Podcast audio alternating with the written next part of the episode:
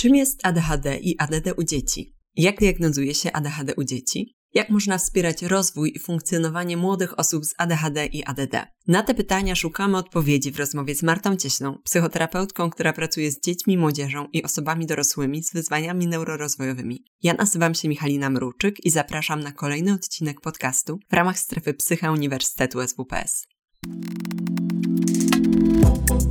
Strefa Psyche Uniwersytetu SWPS. Psychologia bez cenzury.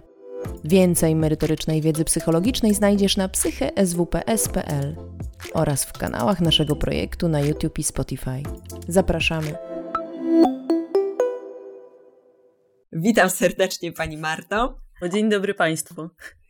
E, pani Marto, my rozmawialiśmy jakiś czas temu już e, w ramach webinaru z innym gościem na temat ADHD i ADD, tak w ogóle, o najnowszych doniesieniach naukowych. A chciałabym Panią zapytać, czym jest ADHD i ADD u dzieci?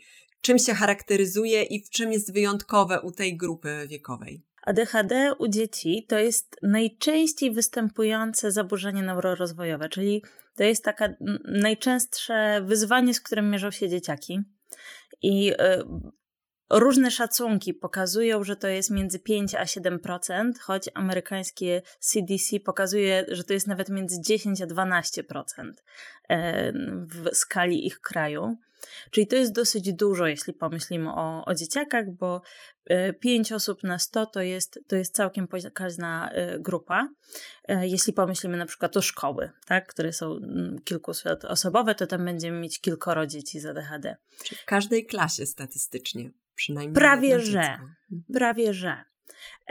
A samo ADHD jest o tyle interesujące, że z nim się rodzimy, żyjemy i umieramy. Czyli jeśli mamy ADHD z tym podtypem e, nadruchliwości albo y, trudności w koncentracjach uwagi, y, czyli tak zwane ADD, albo w trybie mieszanym, no to będziemy mieć różne grupy objawów od dzieciństwa aż do śmierci.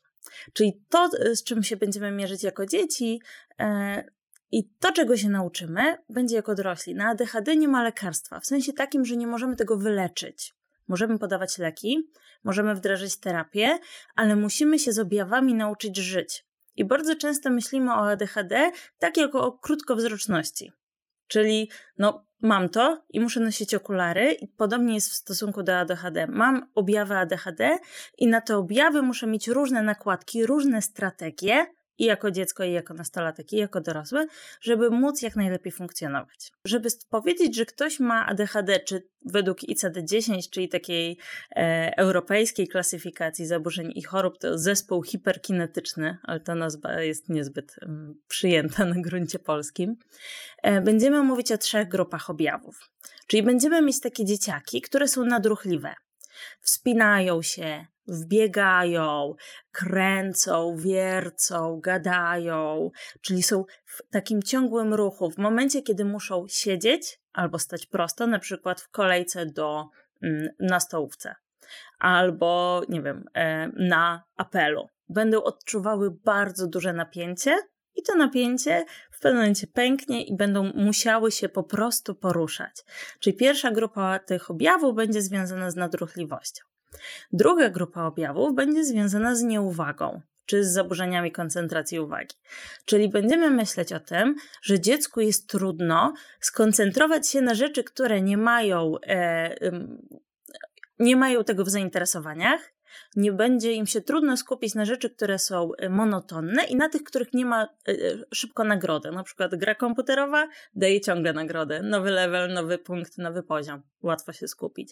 Ale na takich rzeczach monotonnych jest trudno. To będą takie osoby z głową w chmurach, które dzieciaki, które gubią przedmioty, piórniki, kapcie, szaliki. To będą takie osoby, którym e, mama powie sprzątnij biurko, a potem pościel łóżko i w połowie sprzątania biurka już zapomną, że sprzątają i zaczną układać sobie puzzle, które na tym biurku znalazły. I trzecia grupa objawów to jest związana z impulsywnością, czyli takie zanim pomyślę, to zrobię.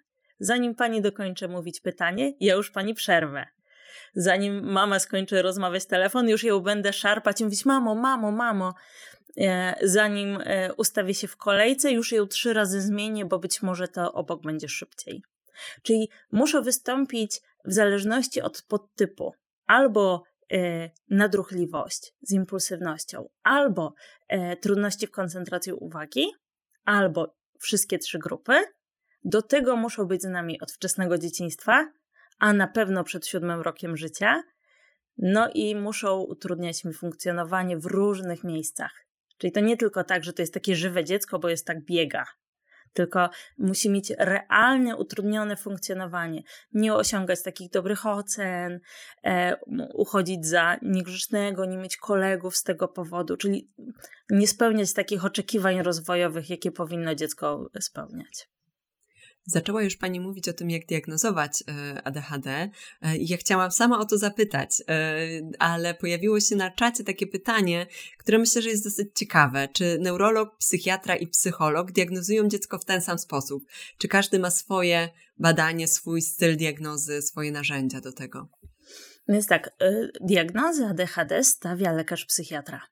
I on jest do tego bezpośrednio uprawniony neurolog sprawdza, czy nie ma innych wyzwań dookoła. Chociażby epilepsja jest czynnikiem ryzyka do wystąpienia ADHD. Więc też jak y, często dzieci są diagnozowane w kierunku ADHD, lekarz neurolog sprawdza, czy nie ma tam swoich mm, trudności dodatkowych, którymi się zajmuje.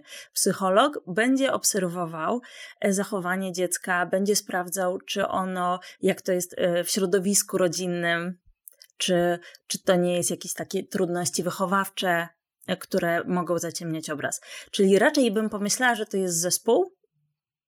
E, raczej bym pomyślała, że te trzy osoby się dopełniają i świetnie jest, jeśli te trzy osoby mają szansę zobaczyć dziecko, a potem się ze sobą skomunikować. A od którego roku życia można zdiagnozować e, dziecko z ADHD? Pojawiło się właśnie takie pytanie. Hmm, to jest świetne pytanie, bo y, odpowiedź na nie jest bardzo trudna. Najczęściej dzieci są diagnozowane w wieku 6-9 lat, bo wtedy idą do szkoły i wpadają w ten szkolny setting. Ławka, praca domowa, odrabianie. Nie ma tak naprawdę przeciwwskazań, żeby diagnozować przedszkolaki, ale jest to bardzo trudne. Dlatego, że y, powiedzmy do czwartego roku życia ten rozwój jest bardzo osobniczy. I trudno nam jest rozróżnić, co jest temperamentem, a co jest ADHD. I w tym wieku przedszkolnym będą najczęściej e, dominować e, nadruchliwość. To będziemy widzieć najbardziej. Ale tak bardzo się tym nie przejmujemy, dlatego że jeśli trafia taki maluszek do nas, przedszkolak, e, z podejrzeniem ADHD, to zgodnie z zaleceniami NICE i tak najpierw kierujemy rodziców na e, trening umiejętności rodzicielskich. W tym wieku nie podajemy leków. Więc niezależnie od tego, czy ta diagnoza miałaby być postawiona, czy nie, najpierw pracujemy z rodzicem i sprawdzamy, co się wydarzy dalej. A czym będzie się różniło ADHD i ADD u dzieci? Mhm. To jest trochę taka myląca nazwa, bo tak naprawdę myślimy sobie o y, ADHD z podtypem nieuwagi i z podtypem tej mm, nadruchliwości i e, impulsywności. Więc to będzie trochę inny obraz kliniczny. W ten obraz kliniczny nieuwagi będą nam częściej wpadać dziewczynki, będą wpadać dziewczynki, które są z głową w chmurach, które gdzieś tam rysują i odpływają myślami, które zobaczą coś za oknem i już się rozproszą, które będą właśnie miały większy problem z organizacją tego chaosu wokół siebie. Choć chłopcy oczywiście też mogą wpaść. Mówię o statystyce, co nie oznacza, że chłopcy w to nie mogą wpaść. A ten podtyp e, nadruchliwości z impulsywnością to będą raczej takie na zewnątrz i dlatego są szybciej wyłapywane. No bo będą miały wybuchy złości te dzieciaki, bo e, będą ciągle się wiercić, bo będą wstawać na lekcji, bo będą wychodzić, bo będą odpowiadać niepytane, czyli będą bardziej, mm, powiedzmy, społecznie przeszkadzać, więc one szybciej też trafiają do diagnozy. Ale i może być ta trzecia opcja, czyli typ mieszany. Pojawiło nam się takie pytanie chyba o konkretną sytuację. No dobrze, a jeśli neurolog i psychiatra stawiają diagnozę ADHD, a psycholog się wykrusza i mówi, że dziecko jest zdrowe? Hmm, hmm, hmm. Nie lubię takich pytań, bo e, już mówię dlaczego. Dlatego, że nie chciałabym podważać nigdy niczyjej opinii, nie znam sytuacji. Ostateczną diagnozę stawia psychiatra. I jakby co do tego nie ma wątpliwości. Zadałabym pewnie wtedy pytanie, co takiego, zdaniem psychologa, czy tego, czy innych psychologów, e, wyklucza. Czyli czy on stawia inne rozpoznanie i jakby kieruje do psychiatry. Świetnie jest, jeśli psychiatra i psycholog mogą się między sobą porozumieć i moi pacjenci często wyrażają taką zgodę. I wtedy my między sobą możemy um, różne wątpliwości rozjaśnić, nie zaciemniając obrazu rodzicowi. Bo myślę, że to jest bardzo trudne dla rodzica, komu zaufać. E, mamy pytanie też o dziedziczenie i to jest e, coś, o czym rozmawialiśmy z doktorem Wiśniewskim na ostatnim spotkaniu już, e, ale jestem też ciekawa Pani doświadczeń z pracy terapeutycznej. Jak to wygląda właśnie w kwestii dziedziczenia? Czy, czy zauważa Pani też w, w rodzinie, na przykład wśród rodzeństwa, jakieś takie powtarzające się trudności? Mhm, tak, zdecydowanie. No ten czynnik biologiczny w ADHD jest bardzo duży. Więc wzrasta nam prawdopodobieństwo, jeśli rodzic albo e, rodzeństwo mają ADHD, że, że to dziecko też będzie miało, ale to nie jest tak jeden do jednego. I faktycznie to się powtarza, że często mm, jak trafia rodzic e, z dzieckiem, to w pewnym momencie mówi: To jestem ja, ja mam w sumie te same objawy. Bo ja tak miałem od dzieciństwa i zauważa siebie. I to jest też ciekawe, że nawet jak mamy kobiety teraz w wieku 35, 45 e, lat, które jest taki trochę wysyp diagnoz kobiet w tym wieku, to właśnie trafiają często, bo szukają informacji o swoich dzieciach. E, czemu to jest ważne? To jest ważne z jeszcze jednego powodu. Jeśli rodzice mają ADHD, nieleczone, z silnymi objawami, to podbija też objawy u dziecka, i też nie daje możliwości skutecznej terapii. Dlatego, że y, terapia dzieci z ADHD opiera się na środowisku, na szkole i na rodzicach. I jeśli rodzic ma objawy niezdiagnozowane, no to się raczej sprzęgają, więc y, zdecydowanie warto siebie obserwować i szukać wtedy y, informacji o sobie też. E, skoro przeszliśmy już troszeczkę do tematu środowiska e, osób z mm, ADHD, to jeszcze bym chciała zapytać, jak można w ogóle wspierać rozwój i funkcjonowanie młodych osób z ADHD i ADD? Mhm. Przede wszystkim mamy dwie grupy, to będzie terapia i leki. Leki i terapia. Leki e, mogą być podawane dzieciom powyżej 5 roku życia. To jest dosyć ważne i też pewnie dlatego wtedy zaczynają się gdzieś te diagnozy pojawiać. Leczenie farmakoterapią jest takim leczeniem, które mm, zbiera biologię człowieka i pozwala mu lepiej funkcjonować, czyli pozwala mu korzystać z zasobów, przykład intelektu, które ma, pozwala mu troszeczkę wyhamować. I to jest ważny aspekt um, u wielu osób, a wspieranie rozwoju to jest zakładanie okularów, czyli terapia. Taką podstawową terapią to jest terapia behawioralna. I na tą terapię nie przychodzą dzieci, tylko przychodzą rodzice, i to rodzice uczą się, jak zarządzać zachowaniem dziecka, żeby było mu łatwiej. Uczą się rozpoznawać, co jest objawem, a co jest, nazwijmy to, trudnym zachowaniem.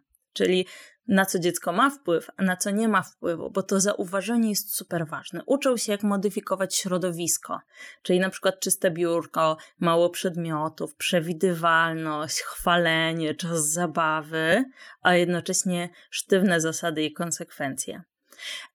Drugą rzeczą, która jest super ważna przy wspieraniu dzieciaków, jest środowisko szkolne. Czyli szkoła powinna wprowadzić też taki program behawioralny dla tego dziecka, który będzie polegał na tym, że dzieci będą pracować na zasadach, że konkretne dziecko ma zasadę. Podnoszę rękę, gdy chcę coś powiedzieć, patrzę na panią, gdy ona mówi, pracuję w ciszy. I za każdy z tych punktów, za każdą z tych zasad zdobywa na przykład punkty i odbiera jakąś nagrodę, czyli jest to wzmocnienie. Albo nauczyciel wie, że to dziecko musi wstać i przejść się po klasie i będzie je prosił, a to weź teraz nam rozdaj mapy, a to podejść do tablicy. Dlatego, że skoro nie możemy na objawy zadziałać tak, żeby się ich pozbyć, to musimy nimi zarządzać. I to jest najważniejsza sprawa w ADHD, że e, czasem rodzice, ale on ciągle gada. Tak, to jest objaw. Nie możemy nic z tym zrobić. Ale bo on gubi przedmioty, tak. Musimy dać mu strategię na to, żeby je znajdował. Czyli na przykład podpisywać i nosić zastępcze i tak dalej, i tak dalej. E, to, z czym ja się spotykam w swojej pracy codziennej, pracując w szkole, to takie wyzwanie, jakim jest dostosowanie e, różnych takich wydarzeń typu egzaminy do, e, do, do funkcjonowania dzieci i młodzieży z ADHD i ADD. Jak pani to widzi? Na ile szkoły są w stanie pomóc dzieciom i, i co można zrobić w tym aspekcie? Kiedy na przykład właśnie mówi pani o tym, że czasami dzieci mają taką potrzebę, żeby wstać, przejście po sali, zrobić sobie jakieś kółeczko chociażby po tej klasie. Jak to można rozwiązać właśnie w takich sytuacjach, które wymagają takiej dyscypliny? Mhm. Możemy sobie pomyśleć o tym, że ruch jest ruchem całego ciała, czyli możemy się zgodzić, żeby dziecko żuło gumę i już mamy jakiś kawałek zapewniony. Możemy się zgodzić, żeby na długopisie czy na ołówku była taka gumka do gryzienia, taki gryzak logopedyczny. Możemy się zgodzić na to, żeby siedział na przykład na takim jeżyku pod pupą, co powoduje, że robi takie delikatne ruchy i całe ciało ma możliwość się ruszać. Ale pomyślmy o tym, że to są też trudności z koncentracją uwagi. Więc pomyślmy, gdzie to dziecko powinno siedzieć. Nie przy drzwiach, nie przy oknie, nie z tyłu. Najlepiej gdzieś z boku, z przodu, przy ścianie. Możemy pomyśleć o tym, żeby to dziecko miało kartkę czystą i nauczyło się, że jedno pytanie czyta, resztę zasłania kartką, żeby się nie rozpraszać i przechodzi pytanie po pytaniu. Czyli znowu, nie możemy dać dzieciom, nie wiem, możliwości przejścia się po sali, bo to jest zakazane, ale możemy myśleć, jak w obrębie tej konkretnej sytuacji możemy zadziałać na takie małe zmiany i one naprawdę mogą pomóc. Pojawiło się właśnie też pytanie o terapię, już nam Pani trochę o tym powiedziała, e, ale pojawiło się także mm, pytanie o skuteczność terapii e, ADHD przy użyciu terapii biofeedback lub neurofeedback. Wiedziałam, że to pytanie padnie e, i sprawdziłam takie najnowsze metaanalizy, bo musimy pamiętać, że jedno badanie nam wiosny nie czyni. Czyli my w nauce wierzymy w to, że jeśli tych badań jest dużo i one są powtarzalne, to wtedy daje nam to jakąś informację. I biofeedback z tej e, metaanalizy ma szansę stać się jednym ze sposobów, ale, jest kilka ale. Pierwsze ale jest takie, że musi to być konkretny protokół do ADHD, który był sprawdzany w badaniach. Bo w tych metaanalizach pojawiały się też takie informacje, że czasem jest to jakaś trochę tak z wolnej ręki i to po prostu nie działa. Po drugie, jest to mm, dosyć droga terapia, i pytanie, czy mamy na to środki, bo wiemy, że terapia y, behawioralna i oddziaływanie środowiskowe działają na pewno. Tutaj mamy taką szansę, więc jeśli to są dla nas dodatkowe, zapewnia nam to poradnia psychologiczna, pedagogiczna albo jakieś inne miejsce, to świetnie. Jeśli mamy pytanie terapia y, behawioralna, modyfikacja środowiskowa, domowa, a biofeedback, no to stajemy przed pytaniem, co, co będzie skuteczne. Trzecie ale dotyczy tego, że nie wiemy, czy te y, wyniki z biofeedbacku przenoszą się na życie codzienne. I to jest duży kłopot, że wiemy, jak one wypadają w testach, ale nie wiemy, czy one w takim codziennym funkcjonowaniu, bo przede wszystkim one pomagają na e, trudności z koncentracją uwagi, przeniosą się. I to też jest taki, taki kłopot w obserwacji. Więc jeszcze parę lat temu e, było ta biofeedback podawany jako mm, nie, nie, generalnie nie. Teraz mamy więcej badań i badania mówią być może, więc to do rozważenia. Mhm. Wiem, że część te mm, poradni psychologiczno-pedagogicznej dysponuje też możliwością właśnie skorzystania z terapii biofeedback, więc mm, może jeśli Państwo akurat w Waszej poradni macie taką możliwość, to można e, urozmaicić te rozwiązania, które wybieracie. W szczególności w tych badaniach e, pokazywany był efekt w połączeniu z lekami. I to też mhm. jest dosyć ważna informacja. Nasi widzowie pytają też o coś, o czym rozmawiałam już z doktorem Wiśniewskim, ale jestem też ciekawa, co Pani nam na ten temat powie, a mianowicie o takie mm, biologiczne podstawy i o to, co odpowiada za ADHD. Ktoś tutaj nas pyta, czy jest to kwestia struktur mózgu, hormonów, czy czegoś innego. E, jest pytanie o to, czy niedośczynność tarczycy u dziecka lub w wywiadzie rodzinnym może też mieć tutaj wpływ. E, pytam o to Panią, a Was, drodzy Państwo, którzy o to pytacie, też odsyłam odsyłam do tamtego webinaru, bo również o tym rozmawialiśmy, ale ze względu na to, że mamy różnych ekspertów, to y, lubię też zapytać o różne doświadczenia z Waszej pracy. E, w ogóle przy tym, trochę powiem naokoło, przy diagnozowaniu ADHD, e, jeśli mamy wątpliwości, to odsyłamy do alergologa jeśli jest jakiś problem endokronologiczny, odsyłamy do odpowiedniego lekarza. Jeśli mamy wątpliwości, odsyłamy do laryngologa, sprawdzamy słuch, prosimy, żeby lekarz sprawdził trzeci migdał. Czyli wszystkie takie rzeczy biologiczne naokoło, e, jeśli jest taka potrzeba i widzimy, że może być taka sytuacja, sprawdzamy najpierw. Zawsze tą psychologię bierzemy, ja śmieję, na koniec, jak już naprawdę całą biologię wykluczymy albo e, jakoś podleczymy.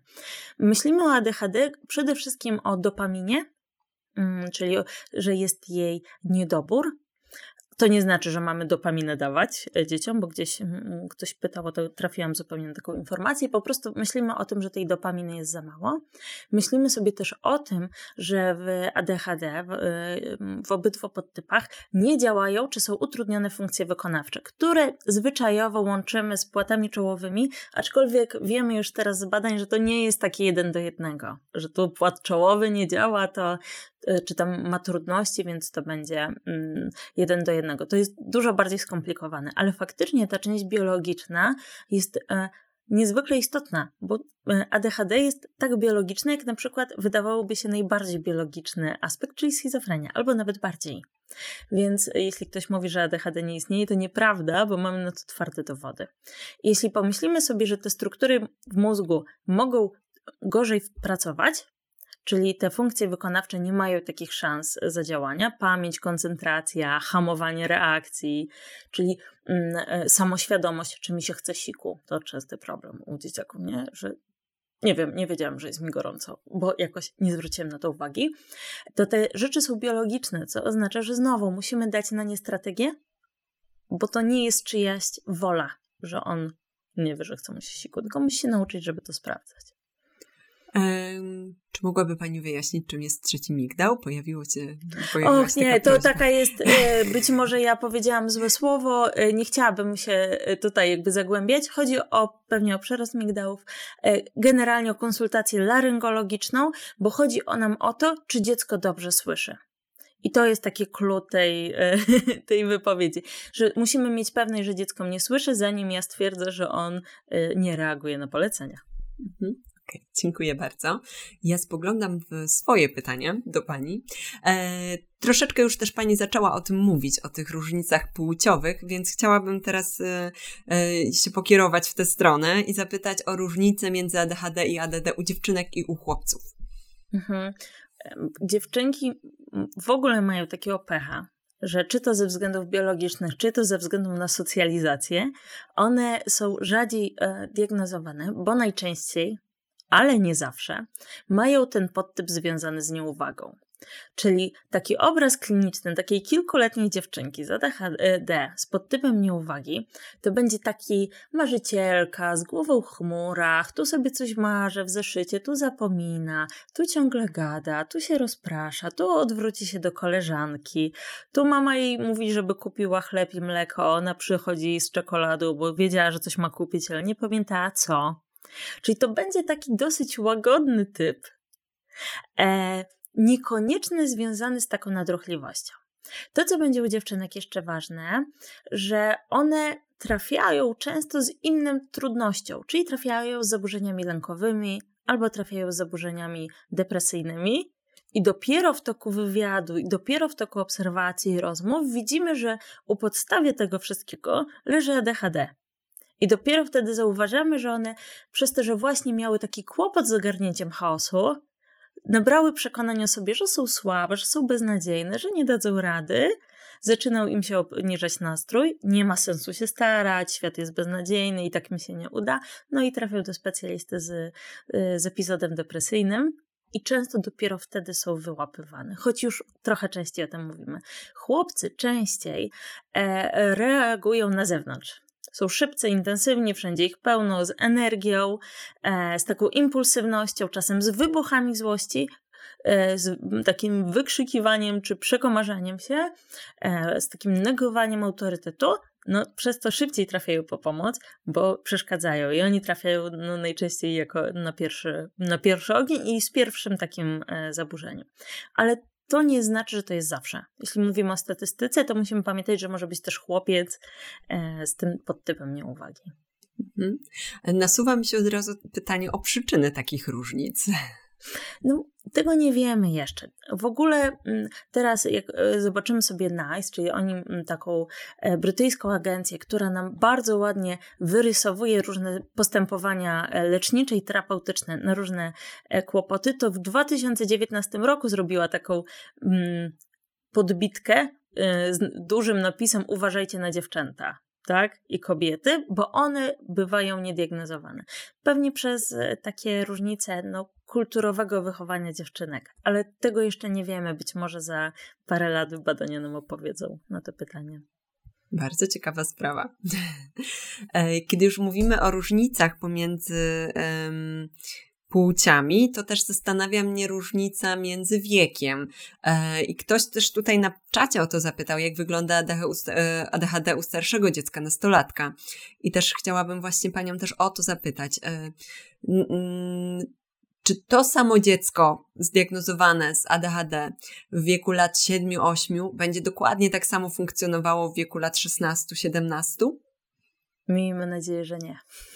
Miejmy nadzieję, że otrzymało e, wsparcie i już w dużej mierze e, umie radzić sobie z różnymi objawami. Ale bywa tak, że dopiero w wieku nastoletnim e, diagnozujemy dzieci. I bywa także i w wieku dorosłym. Ale ten obraz kliniczny nastolatka będzie taki. Mm, on już pewnie nie będzie taki ruchliwy, ale na przykład siedzenie w jednym miejscu może wywoływać w nim takie uczucie dyskomfortu albo napięcia. Ta nadruchliwość może być zagospodarowana na przykład przez pykanie sobie gdzieś tam szybko TikToka, czy coś tam szybko patrzenia, rysowania, klikania. E, możemy obserwować to, że mm, te dzieciaki mogą czuć się przytłoczone na przykład ilością nauki i mówić: Nie ogarniam, mam tyle rzeczy, nie dam rady, nie wiem, jak się do tego zabrać. Czyli będą mówić bardziej o przytłoczeniu, niż o tego, że coś ich rozprasza za oknem albo że pani przeszło.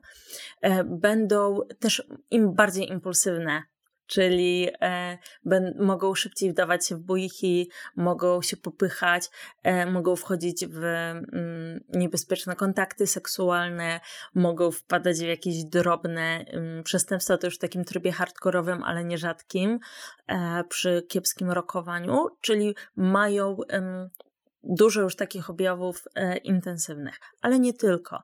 To mogą być też takie osoby, które znowu zareagują lękiem albo depresją, czyli nazbierały doświadczeń i przekonań o sobie, na przykład w przypadku społecznego lęku, że ludzie odrzucają, że trzeba się bardzo starać, że trzeba się mega spinać przy tych ludziach, a ja zawsze coś chlapnę, a ja zawsze jestem nie taki, a ja jestem za głośny, a ja jestem trochę taki nabuzowany przy innych. No i, i zaczynam się martwić, jak to jest, i trafię do, do terapeuty z lękiem społecznym albo trafię do terapeuty z depresją. Więc wtedy też często widzimy te mm, powikłania, mm, a nie to pierwsze wyzwanie, z którym powinno do nas trafić parę lat temu. Mam też takie pytanie o radzenie sobie z różnymi trudnościami u dzieci i, i, młodzieży z ADHD. Kiedy na przykład, nie wiem, zbliża się jakiś właśnie bardzo ważny egzamin, egzamin są klasisty czy matura, albo wydarzy się w ich życiu coś takiego trudnego, na przykład myślę tu na przykład o doświadczeniu żałoby albo jakiejś choroby w rodzinie, e, to e, czy też to ich funkcjonowanie takie codzienne przekłada się też na e, jakieś, e, nie wiem, czy na przykład może to spowodować, że te objawy nadpobudliwości się pogłębią? Zdecydowanie mogą. Wszystkie zmiany, które nas wytrącają z tego takiego rytmu, e, mogą powodować pogorszenie objawów. Bo to jest tak, że ja zbieram strategię, zbieram, zbieram, zbieram, zbieram, już sobie super radzę i zmienia się coś w moim życiu i się wysypuje. Czasem tak jest na przykład przy śmierci któregoś z rodziców, który był takim ogarniaczem i tak to funkcjonowanie zbierał i naprawdę ten dzieciak czy nastolatek świetnie funkcjonował, a w momencie, kiedy tej osoby zabraknie, jest pogorszenie zdecydowane funkcjonowania albo w silnym stresie że my wszyscy, jak jesteśmy w stresie, jesteśmy bardziej nieuważni, mamy większe trudności z koncentracją, pomijamy różne rzeczy i mogą nam się mm, te rzeczy również tutaj pogłębić, tylko pamiętajmy, że bazowy kawałek mamy trudniejszy. Albo z impulsywnością. Mam tu większą trudność z kontrolą emocjonalną, To wynika z samego ADHD, więc trudniej mi jest zadziałać na silne emocje, więc mogę szukać sposobów złagodzenia ich, na przykład wpadając w alkohol czy w środki psychoaktywne, bo to mi daje szybką ulgę. A jeśli jestem impulsywny, to szybko potrzebuję bodźca, który mi to złagodzi. Mhm. E, spoglądam na czat i widzę, że nasi widzowie pytają o temperament. E, czy osoby z tym zaburzeniem, e, czy u osób z ADHD i z ADD występują również różne temperamenty? Tak, zdecydowanie tak. To jest w ogóle bardzo ciekawe, bo każdy z nas ma różne cechy temperamentu, które są po prostu takim naszym typem, powiedzmy, okablowania Jedni potrzebują dużo małych bodźców, inni mało, jedni potrzebują więcej zmian, drudzy mało, jedni są bardziej wrażliwi sensorycznie i już migające światełko je rozprasza, inni mniej. I oczywiście ten temperament może być różny.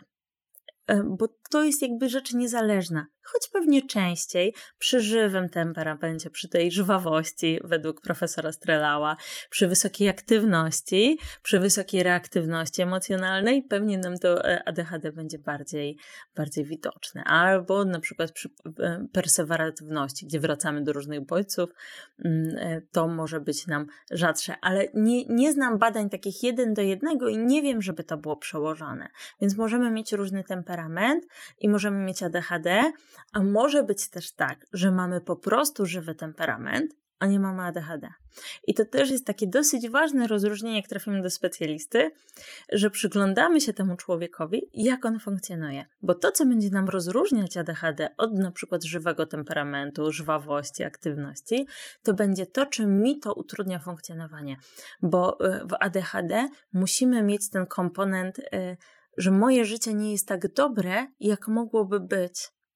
Przy moim intelekcie, przy moich zasobach rodzinnych, przy moich zasobach y, y, temperamentalnych, osobowościowych, ja nie osiągam takiej pełni życia, którą byłaby oczekiwana. I to jest takie dla nas duże rozróżnienie, bo możemy mieć żwawy temperament, być szybcy, ale wcale nie mieć ADHD. Właśnie nawet się takie pytanie pojawiło, e, jak rozpoznać, czy to jest już ADHD, czy może temperament.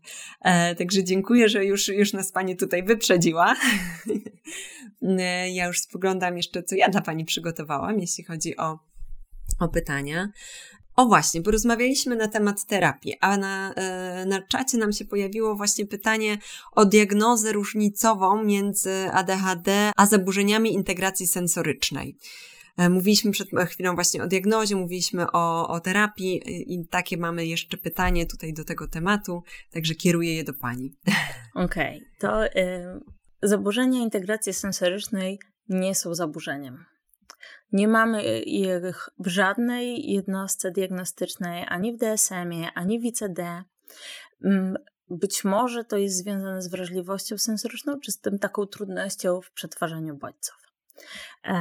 Więc ja bym była bardzo ostrożna tutaj, w ogóle jeśli chodzi o trudności sensoryczne, ale my wiemy z badań różnych, że w ADHD te trudności z przetwarzaniem bodźców mogą istnieć, mogą występować. I już jakieś pojedyncze badania, zwracam uwagę pojedyncze, a nie jakaś taka duża grupa, mogą nam wskazywać, że faktycznie może być trudniej.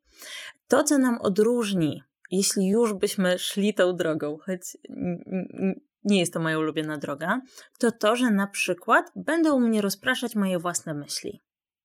Czyli to nie musi być jakiś taki bodziec zewnętrzny, który będzie jakby generował.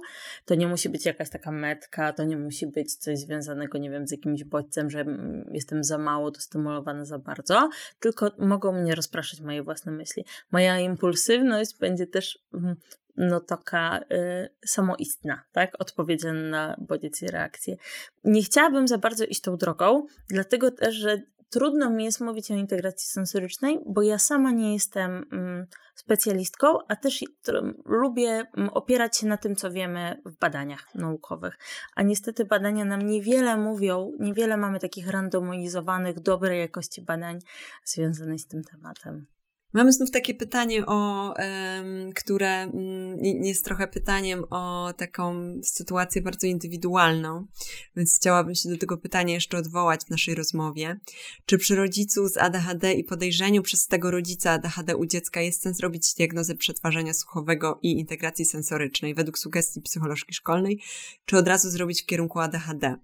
No, ja y, też nie chciałabym tutaj podważać pracy innych osób, natomiast e, rozmawialiśmy o tym e, dziedziczeniu e, i myślę, że tu można po prostu skorzystać, nie wiem jakiego pani jest zdania, e, ale po prostu z dodatkowej jakiejś konsultacji. Jakby myślę, że tak jak zresztą pani mówiła, no ADHD najlepiej jakby było diagnozowane przez wielu specjalistów, prawda? Tak, a myślę, że jeszcze jeden ważny kawałek musimy tu dołożyć, który gdzieś się pojawił wcześniej, ale chyba chciałabym, żeby wybrzmiał jeszcze raz. Jeśli mamy podejrzenie ADHD u dziecka o niskim bądź średnim nasileniu, czyli nie takim hardkorowym, to NICE proponuje nie czekaj na diagnozę, rozpocznij trening umiejętności wychowawczych. I to jest w ogóle taki ważny kawałek, który myślę, że chciałabym, żeby wybrzmiał. Czyli nie, nawet nie mając diagnozy, nie wiedząc, czy to jest SC, czy to jest może te przetwarzanie słuchowe, czy to może jest jakiś inny kawałek, e, trening umiejętności wychowawczych wdrożony jak najwcześniej pomaga łagodzić objawy i wtedy możemy po takiej obserwacji wyczekującej zobaczyć, dobra, chyba warto iść dalej tą drogą. Dlatego że też trochę wpadamy czasem jako rodzice, ja też jestem mamą i wpadam w taką szukanie takich różnych małych rzeczy, a może to, a może to, a może to, przez co nie skupiam się na klucz problemu. A tutaj klucz problemu jest takie, że temu konkretnemu dziecku jest trudno w życiu. I musimy mu tak przystosować środowisko, żeby mu było łatwiej. Po prostu że jeśli jest mi trudno ze skupieniem, to potrzebuję bodźcem słuchowym, żeby nauczyciel powiedział: Uwaga, będę mówić ważną rzecz. Tak? Czyli musimy się nauczyć różnych strategii, które tą uwagę skupią, niezależnie trochę od przyczyny. Mhm. Um, tak sobie myślę, czy mogłaby Pani w takim razie polecić naszym widzom jakieś źródła informacji na temat treningów umiejętności, e, o których Pani teraz mówiła? Mhm. To będą treningi e, przede wszystkim najlepiej zbadane mamy behawioralne i wiemy, że to na pewno działa. Czyli e, można zajrzeć do swojej poradni psychologiczno-pedagogicznej. Można poszukać stowarzyszeń czy fundacji zajmujących się um, wsparciem osobami z ADHD. Mamy ich coraz więcej. Możemy poszukać też w, e, w książkach. Mamy kilka bardzo fajnych książek z takim podstawą terapii takiej mm, behawioralnej. To będzie Sposoby na trudne dziecko e, Kołakowskiego i Pisuli. Mamy taką świetną książkę Zdolne, ale, ale rozkojarzone i zdolne, ale rozkojarzone nastolatki, które prowadzą rodzica krok po kroku. Okej, okay, problem, moje dziecko nie odrabia lekcji. Super, to sprawdź, co tam się wydarza, czy ono w ogóle nie siada do lekcji, czy zapomina i prowadzi nas przez takie różne kroki. E, albo mogą to też być spotkania indywidualne. Każdy terapeuta dziecięcy, a już na pewno terapeuta poznawczo-behawioralny, będzie znał i będzie potrafił konkretną rodzinę przeprowadzić przez cykl takich spotkań. I to bardzo fajnie się udaje. To mm, badania mówią od 6 do 15 spotkań. Moje doświadczenie, być może nie umiem tak dobrze jak w badaniach, jest bliżej 15 niż 6, e, które, mm, na których w takim trybie warsztatowym uczy się rodzica konkretnych technik. Czyli zaczynam od pozytywnych od chwalenia, od czasu zabawy, od bycia razem, od codziennego zauważania, przez modyfikację środowiska, przez e, utworzenie planu dnia, przez utworzenie zasad, aż do takich y, związanych bardziej z takimi trudnymi, czyli od wyciągania konsekwencji. Ale to jest jakby koniec. Więc myślę, że to jest ważne. Można szukać po takim haśle jak warsztaty dla dobrych rodziców. To jest w Polsce taki najbardziej przyjęty. Y, program, ale mogą to być też programy związane z terapią ACT, gdzie się poświęca rodzicowi i jego wartościom, emocjom dużo miejsca i jak to ma się do technik e, stosowania u dziecka. Myślę, że oferta jest szeroka, tylko trzeba się dobrze w to wszukać. Dziękuję też za polecenie literatury. Sama sobie zapisałam niektóre pozycje, bo nie wszystkie znałam. Pojawiło się pytanie, czy oprócz depresji i zaburzeń lękowych, które mogą współwystępować przy ADHD, czy są jeszcze inne zaburzenia i jeśli tak, to jakie? Zdecydowanie tak. E, wszystkie zaburzenia neurorozwojowe, czyli spektrum autyzmu, bardzo się lubi z ADHD kilkanaście procent współwystępowania. To jest jak na współwystępowanie naprawdę dużo. E, przy ADHD mogą się pojawić tiki. E, przy ADHD mogą się pojawiać i też się lubią e, trudności w uczeniu się, czyli dysleksja, dysortografia i te wszystkie dys związane z uczeniem się. Może się pojawić niepełnosprawność intelektualna. Mogą się pojawić epilepsja, o której mówiłam, ale mogą się też pojawić takie powikłania wynikające z ADHD, jak chociażby e, zaburzenia opozycyjno-buntownicze. Czyli takie powikłanie, które może występować razem z ADHD lub bez ADHD, które polega na tym, że aktywnie się przeciwstawiam dorosłym, aktywnie łamię zasady, aktywnie łamię normy. Nie dlatego, że to impulsywnie robię, bo się zdenerwowałam, tylko to ja to sprawdzę, kto tu rządzi. No i później w powikłaniu e, zaburzeń opozycyjno-buntowniczych, taki skrót ODD, będzie z angielskiego, będą zaburzenia zachowania, czyli już takie przekraczanie norm e, z byciem poza domem, z naruszaniem cielesności innych osób, z mm, przekraczaniem prawa, e, z takim mm, sadyzmem często wokół, wobec zwierząt, ale to już jest takie bardzo poważne powikłanie, ale nadal je widzimy, mamy z tyłu głowy. Wśród nastolatków i dorosłych będziemy mieć też e, osobowość nieprawidłowo się kształtującą i tu często mm, w typie y, osobowości chwiejnej emocjonalnie. I tam też ta osobowość chwiejna emocjonalnie u dorosłych czy młodych dorosłych no współwystępuje z ADHD i to też mm, no, w przynajmniej ładnych procentach, jeśli nie, nie, nie paręnastu, nie pamiętam w tej chwili dokładnej liczby, ale to jest takie dosyć poważne powikłanie możemy się przyglądać przed ADHD, czy nie rozwija się też choroba afektywna dwubiegunowa. To też jest taki ważny kawałek, do którego musimy się przyjrzeć.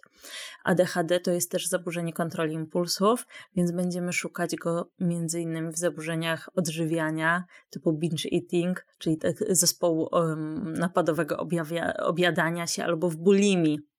Czyli na bazie tej trudności z kontrolą impulsów mogą pojawić się różne powikłania.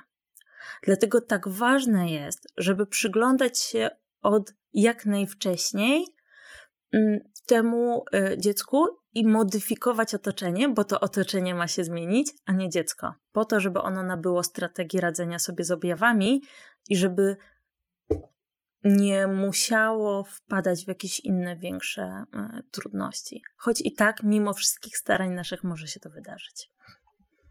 A czy zaburzenie to można zobaczyć na rezonansie lub tomografii? Ktoś tutaj z naszych widzów o to pyta. To jest bardzo ciekawe pytanie, bo faktycznie jak e, szuka, jak są prowadzone badania kliniczne, e, to e, potrafią się znaleźć struktury, które będą konkretny sposób wyglądać czy się rozświetlać. Ale jeśli u naszego dziecka one się powiedzmy potocznie nie rozświetliły czy nie pojawiły, to nam nie wyklucza ADHD. ADHD jest bardziej skomplikowanym konstruktem niż takim jeden do jednego. Mhm. Um, Ktoś zadał takie pytanie, nie, nie wiem, czy ono nie jest trochę już e, takim pytaniem o coś, o czym rozmawiałyśmy. E, ja, jako rodzic, jak wychowywać takie dziecko i jak podchodzić do takiego dziecka? Tutaj mam taką myśl, że przed chwilą mówiłyśmy o tych treningach umiejętności wychowawczych na przykład, ale może jeszcze miałaby Pani jakąś wskazówkę, jakąś radę dla takiego rodzica? Myślę, że tak. Najważniejsza rada i myśl to jest taka, że to dziecko to jest więcej niż ADHD. I pod tymi wszystkimi objawami jest też e, ważny, wartościowy człowiek, i tego człowieka musimy mieć na wierzchu, a nie objaw. I wiedzieć, że tam jest, tam jest człowiek, który ma swoje przekonania i że to on, obserwując nas, obserwując siebie, obserwując świat, tworzy sobie przekonania kluczowe, które będą z nim już do, zawsze, już do końca życia. O tym, czy jest ważny, czy jest wart miłości, czy jest silny, czy jest kompetentny. On sobie wytworzy różne przekonania na temat świata i ludzi, Ludzie są pomocni, ludzie oszukują, na nikim nie można polegać, świat jest przyjazny, świat jest zagrażający. I myślę, że to jest super ważne, bo czasami w takim trybie zaleczania gubimy to dziecko.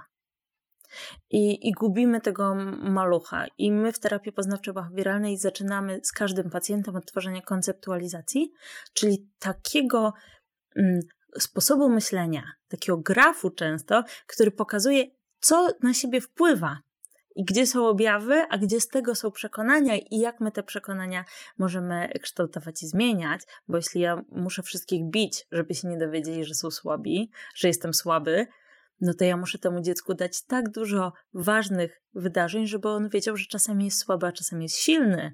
Jest silny, bo ustępuje miejsca, jest silny, bo potrafi się szarmancko zachować, jest silny, bo wie, kiedy zrezygnować, a nie wydawać się w bójkę. Czyli, że oprócz tych objawów mamy tam prawdziwego człowieka i to jest mega ważne. Myślę, że to jest też takie no, szalenie ważne będzie w tym momencie zadbanie o siebie jako rodzica, e, dlatego że no czasami e, bycie rodzicem dziecka z ADHD wymaga ogromu cierpliwości. E, Nie czasami. Ciągle. Ciągle. E, I, i, I jakby na to nie spojrzeć, mając na uwadze to, jak często u dzieci z ADHD pojawia się właśnie chociażby depresja i takie przekonanie o tym, że jestem bezwartościowy, to żeby jednocześnie wspierać to poczucie wartości tego dziecka, to trzeba mieć w sobie też bardzo dużo siły, prawda? Tak, i w ogóle mm, w badaniach dużo nam się pojawia związków między rodzicielskim stresem a ADHD. I to jest niesamowicie ważne, bo to jest trochę takie zaklęte koło. E, mam dziecko z ADHD, mam trudności wychowawcze, oceniam siebie jako gorszego rodzica, choć fizycznie mam po prostu trudniej. Doświadczam e, trudności ze swoją regulacją nastroju, jestem zmęczony, i wypalany. Wypalenie rodzicielskie nie jest mitem, jest bardzo poważnym problemem w ogóle, a w przypadku dzieciaków z takimi wyzwaniami jest kluczowe. Dlatego jest mega ważne, żeby w tą opiekę angażować różne miejsca i różne środowiska, żeby szukać fajnych dorosłych dookoła, drużyny harcerskie, jakieś judo, karate, z fajnymi dorosłymi, którzy ogarną nasze dziecko, żebyśmy mogli znaleźć przestrzeń też dla siebie, żeby angażować bliskich przyjaciół, żeby szukać naszemu dziecku, jeśli mu jest samemu trudno, to przy naszym wsparciu jakich innych rodziców, którzy y, wezmą cudzysłowie naszego y, malucha na y, zabawę, a potem ktoś do nas i już zyskuje czas. O tym, żebym e, pamiętała, że z pustej pamiętała i pamiętał, że z pustej szklanki nikt nie naleje. I im lepiej my się czujemy z sobą, tym łatwiej jest nam skorzystać ze strategii, które mamy. Bo jak ja jestem zmęczona, zestresowana, sfrustrowana, mimo tego, że jestem specjalistką, psychoterapeutką i znam się na rzeczy, naprawdę do moich dzieci zdarza mi się bardzo niepsychologicznie krzyknąć, bo nie mam na to zasobów, mimo całej wiedzy. Więc dbanie o siebie jest e, kluczowe. Dziękuję bardzo. Nam tutaj się pojawiają znów takie pytania e, z, z takiej działki klinicznej. E, czy mogą się, czy mogą również współwystępować zaburzenia z grupy psychos przy ADHD? Hmm. Myślę sobie o tym, czy znam jakieś dane na ten temat. Nie znam takich danych. Mm, nie umiem odpowiedzieć na to pytanie. Nie wiem, czy one się tak y, standardowo ale dobra, y, myślę, że mogą.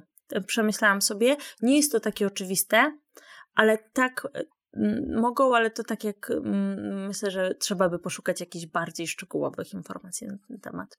E, a czy można powiedzieć, że ADHD jest zaburzeniem układu nerwowego bądź jego konsekwencją? To duże uproszczenie. Możemy powiedzieć, że ADHD jest bardzo biologiczne i skomplikowane. Mhm. Dziękuję. E, jest takie pytanie, które dla mnie, jako osoby pracującej w szkole, jest bardzo ciekawe. Ono już zostało zadane jakiś czas temu, ale szukałam takiego momentu, żeby je, e, żeby je wrzucić. E, a że zbliżamy się już tak do końca naszego spotkania, to myślę, że to może być dobry moment. Tyle już wiemy o potrzebach dzieci. Szkoła przyjazna dla dzieci z ADHD miałaby wiele zalet dla wszystkich dzieci. Dlaczego zmian systemowych ciągle nie widać? Nie wiem. Tak bardzo chciałabym to wiedzieć. Ale wiem, że te zmiany oddolne się naprawdę dzieją. Wiem, że dobry nauczyciel, jeden dobry dorosły, naprawdę potrafi wiele zmienić. Wiem, że e, mam takie samo doświadczenie, że czasem jest jakaś nauczycielka współorganizująca pracę, e, czyli po staremu wspomagająca. Czasem jest psycholog szkolny albo pedagog, który chce, który szuka specjalistów, którzy przychodzą, specjalistów praktyków na szkolenia, gdzie się wspólnie rozpracowuje różne sytuacje, strategie i naprawdę w tych miejscach się dzieją cuda. Ja bywałam w szkołach i bywam e, w sprawie różnych uczniów i widziałam te po prostu zasady przyklejone na kartce, na ławce. Widziałam te poduszki, na których dzieciaki się wiercą na, e, na krzesłach. Więc myślę, że jeden dobry dorosły jest w stanie zmienić naprawdę falę. Zmiany systemowe wiemy, jakie są, ale wiemy też, że system jest pojemny od dołu i zaletą polskiego szkolnictwa są nauczyciele i to jest moc. Mimo tego, że jest im bardzo, bardzo, bardzo trudno. Ja podzielę się też takim doświadczeniem. Um jako osoby, która pracuje w szkole innej niż szkoła systemowa, e, my staramy się bardzo stworzyć takie środowisko, e, które byłoby przyjazne dla wszystkich dzieci. I widzę, jak to jest trudne, jak zróżnicowane są potrzeby dzieci, bo wyobraźcie sobie Państwo, że w jednej klasie może być dwoje dzieci z ADHD na przykład. I w sytuacji, kiedy jedno potrzebuje sobie pochodzić, a drugie potrzebuje się wyciszyć, to już trzeba znaleźć tutaj takie, te, te, takie rozwiązanie, żeby oni sobie nie wchodzili w paradę, mówiąc potocznie, e, albo dzieci, które, potrzebu- które na przykład lubią się uczyć w takim powiedzmy chaosie. Są takie dzieci, które lubią mieć po prostu bałagan na biurku, lubią mieć jakieś obrazki przyklejone wokół siebie, a jednocześnie na przykład jest w sali dziecko, które po prostu potrzebuje mieć totalny minimalizm, ciszę, spokój, już nie, nie, mówiąc o tym, czy to będzie dziecko z ADHD, czy po prostu, które pracuje inaczej.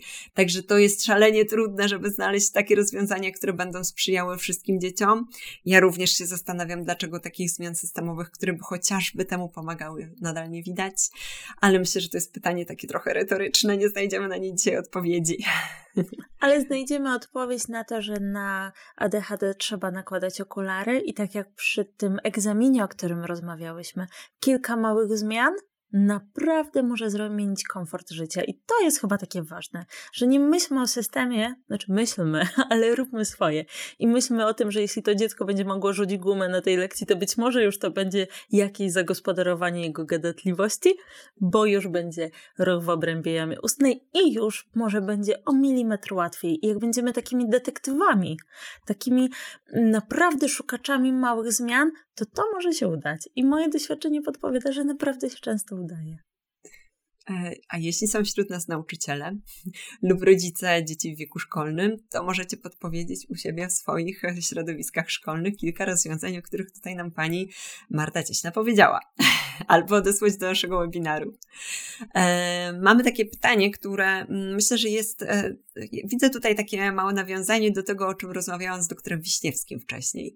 E, czy jeśli w rodzinie nie było nigdzie, nigdy ADHD u nikogo, to czy stres w czasie prenatalnym może wpłynąć na to, że u dziecka się to zaburzenie rozwinie? To jest pytanie, które trochę jest takim tematem bardzo trudnym dla wszystkich pań, które są aktualnie w ciąży, bo tak może być, ale pamiętajmy o tym, że nie każdy stres wywoła ADHD u dziecka, tak? Że mamy takie mm, doniesienia, że one mogą, może, to może mieć wpływ, ale może mieć wpływ mnóstwo rzeczy. I, I myślę, że na tym bym się bardziej skupiała. Jak przychodzi do nas, nie do nas, do lekarza człowiek z grypą, mam, przychodzimy do, z dzieckiem, które ma grypę albo anginę do lekarza, to lekarz nie pyta, a czy pani się zaraziła może w kolejce? A może jak byliście y, za zimno, y, szaliczek zawiązaliście, tylko mówi, dobra, bierzemy się za leczenie. Taki taki plan. I myślę, że tutaj jest bardzo podobnie. Jest taka sytuacja, jaka jest. Na te zmiany nie mamy wpływu, nikt ich nie chciał, żeby się wydarzyły, więc bierzemy się za to, żeby temu dziecku po prostu pomóc. A szukanie takich bardzo głębokich przyczyn nie pomoże, a może zakopać nas naprawdę w nieadekwatne poczucie winy. No właśnie to o poczucie winy to jest taka lampka, która mi się tutaj zapaliła, dlatego że um, sama mam za sobą ciążę i nie wyobrażam sobie nie odczuwać stresu w ciąży. To jest chyba taki, e, taki, e, takie niezbywalne wręcz, żeby się stresować w ciąży. Po prostu ta, taki już jest, a doszukiwanie się tej winy może spowodować, że że y, no, będziemy mniejszą wręcz przyjemność z tego okresu, z, z macierzyństwa w ogóle odczuwać, jeśli będziemy szukać w sobie winę. Bo tego się chyba nie da tak przeżyć bez stresu zupełnie. Chyba e, nie da. Ostatnie pytanie do Pani mam i jeszcze, e, ostatnie pytanie z czatu i jeszcze jedno od siebie będę miała. E, pytanie z czatu. Jak wygląda współwystępowanie ADD z zaburzeniami ze spektrum autyzmu? Dodam, że objawy autyzmu występowały u córki od narodzin. Uważam, że powinna być zbadana pod kątem ADD ale jest to problem w Polsce. Dobra. Tak pisze ta pani. Więc tak, y, może być to problem, bo według ICD-10 nie diagnozujemy. Doktor Wiśniewski też mówił o tym, bo obejrzałam ten webinar, że tak oficjalnie według ICD-10 nie diagnozujemy równolegle zaburzeń ze spektrum autyzmu i um, ADD czy ADHD, choć my wiemy, że klinicznie to występuje, ale to dosyć stara jest y, klasyfikacja i dlatego. Więc przyjrzenie się temu tematowi, znalezienie dobrego lekarza, dobrego psychologa, który to rozróżni co wynika z tego, że ja się rozpraszam, mam chaos i mam te trudności związane z organizacją? A co jest tym, że na przykład się pochłaniam w swoje myśli i myślę o tych żółwiach, które je widziałam i ciekawe, czy one mają jednak, czy nie mają, czy ja zapominam tych ołówków, bo w ogóle ołówki nie są dla mnie ważne i w ogóle nie ma dla mnie to znaczenia takiego, no ołówek, no i co z tego, że ołówek, bo te normy społeczne nie mają dla mnie większego znaczenia. Tam, pff, to będę pisać długopisem, tak? Czyli y, oczywiście ja to bardzo spłaszczam. Więc szukałabym dobrego specjalisty, który nam w tym pomoże. E, i, I najczęściej no, okularne objawy w obydwu przypadkach, no i do rozważenia, gdyby to była DD y, w takim stopniu utrudniającym to, to leczenie. Ale to dobry lekarz, psychiatra nam w tym może naprawdę pomóc. Dziękuję bardzo. I teraz pytanie ode mnie. Jakie są najczęściej powtarzane w Pani odczuciu mity na temat ADHD i ADD u dzieci? ADHD nie istnieje. E, twórca ADHD na łożu śmierci wyznał, że ADHD nie istnieje. Mit. ADHD to jest jedno, mówiliśmy o tym, z najbardziej biologicznych, najbardziej powszechnych wyzwań neurorozwojowych. E, inny mit, że to po prostu e, niegrzeczność, nie lubię tego słowa, albo trudne wychowanie. E, możemy włożyć mnóstwo pracy, a objawy u dziecka i tak będą występować, i tak będzie impulsywne, i tak będzie miało trudności, więc nie jest zależne od naszych oddziaływań wychowawczych. Nie mogliśmy nic zrobić, żeby ADHD się nie pojawiło. No i że to taki wymysł, bo kiedyś to ADHD nie było i leczy się je pasem, no to muszę przypomnieć, że w tym kraju szczęśliwie jest przemoc fizyczna, w tym tak zwane klapsy zabronione, prawnie. E, I e, niestety przemoc fizyczna, jakakolwiek, raczej będzie nasilać objawy ADHD niż je łagodzić. Więc to też jest taki mit, który e, zdarza się, że, że rodzice mówią, że a wie pani, bo mi się wydaje, że jak ja już bym mu przylał tak jak mnie tam ojciec lał, to byłoby lepiej. No niestety nie byłoby lepiej. I to wiemy już też na pewno. Dziękuję bardzo. E, tak na koniec już pytałam panią o polecenie jakichś źródeł takich dla rodziców. Czy jeszcze coś Pani przychodzi do głowy, co można by sobie było poczytać, pooglądać, posłuchać? Mhm. Wszystkie pozycje Berkeleya to będzie taki psychiatra amerykański, który się specjalizuje w ADHD. Na polskim gruncie ADHD pisali dr Skotnicka, dr Kołakowski, dr Pisula i to są takie dobre źródła, do których możemy zaglądać. I, i um, myślę, że to są takie podstawowe e, źródła, które przychodzą mi na teraz e, do głowy. I myślę, że takie myślenie o tym, że ADHD to jest inny wariant, tę myśl neuroróżnorodności, że po prostu inny typ funkcjonowania, któremu musimy trochę pomóc, żeby łatwiej nam było współpracować i żeby nam się osoby nie pogubiły w tym swoim dosyć skomplikowanym i intensywnym bardzo świecie, e, to też może nam pomóc. Dziękuję bardzo. Dziękuję też e, Państwu e, za to, że z nami byliście, że z nami rozmawialiście. E, widzę, że ten temat porusza Was tak bardzo głęboko, bo tutaj pojawia się wiele takich pytań, które są bardzo wnikliwe. I, i dostrzegłam to już na poprzednim spotkaniu, i teraz znów się to powtarza, więc jestem ciekawa kolejnych spotkań wokół ADHD, bo będziemy jeszcze rozmawiać o ADHD i ADD u dziewczynek i kobiet. E, oraz u osób dorosłych. Także jeszcze nas czekają dwa spotkania. Pani e, Marcie serdecznie dziękuję. Dziękuję Pani Marto za e, uważność, za mówienie też z ogromnym ciepłem o, o swoim doświadczeniu zawodowym. No i Państwa zapraszam na kolejne webinary. E, zachęcam do czytania e, rzeczy, które nam tu poleciła Pani Marta, e, ale też do czytania materiałów SWPS-u, słuchania i oglądania innych materiałów strefy psyche i też podcastów na Spotify. Między innymi ten, tę rozmowę też będzie można wysłuchać na Spotify. Dziękuję bardzo, życzę Państwu miłego wieczoru. Dziękuję.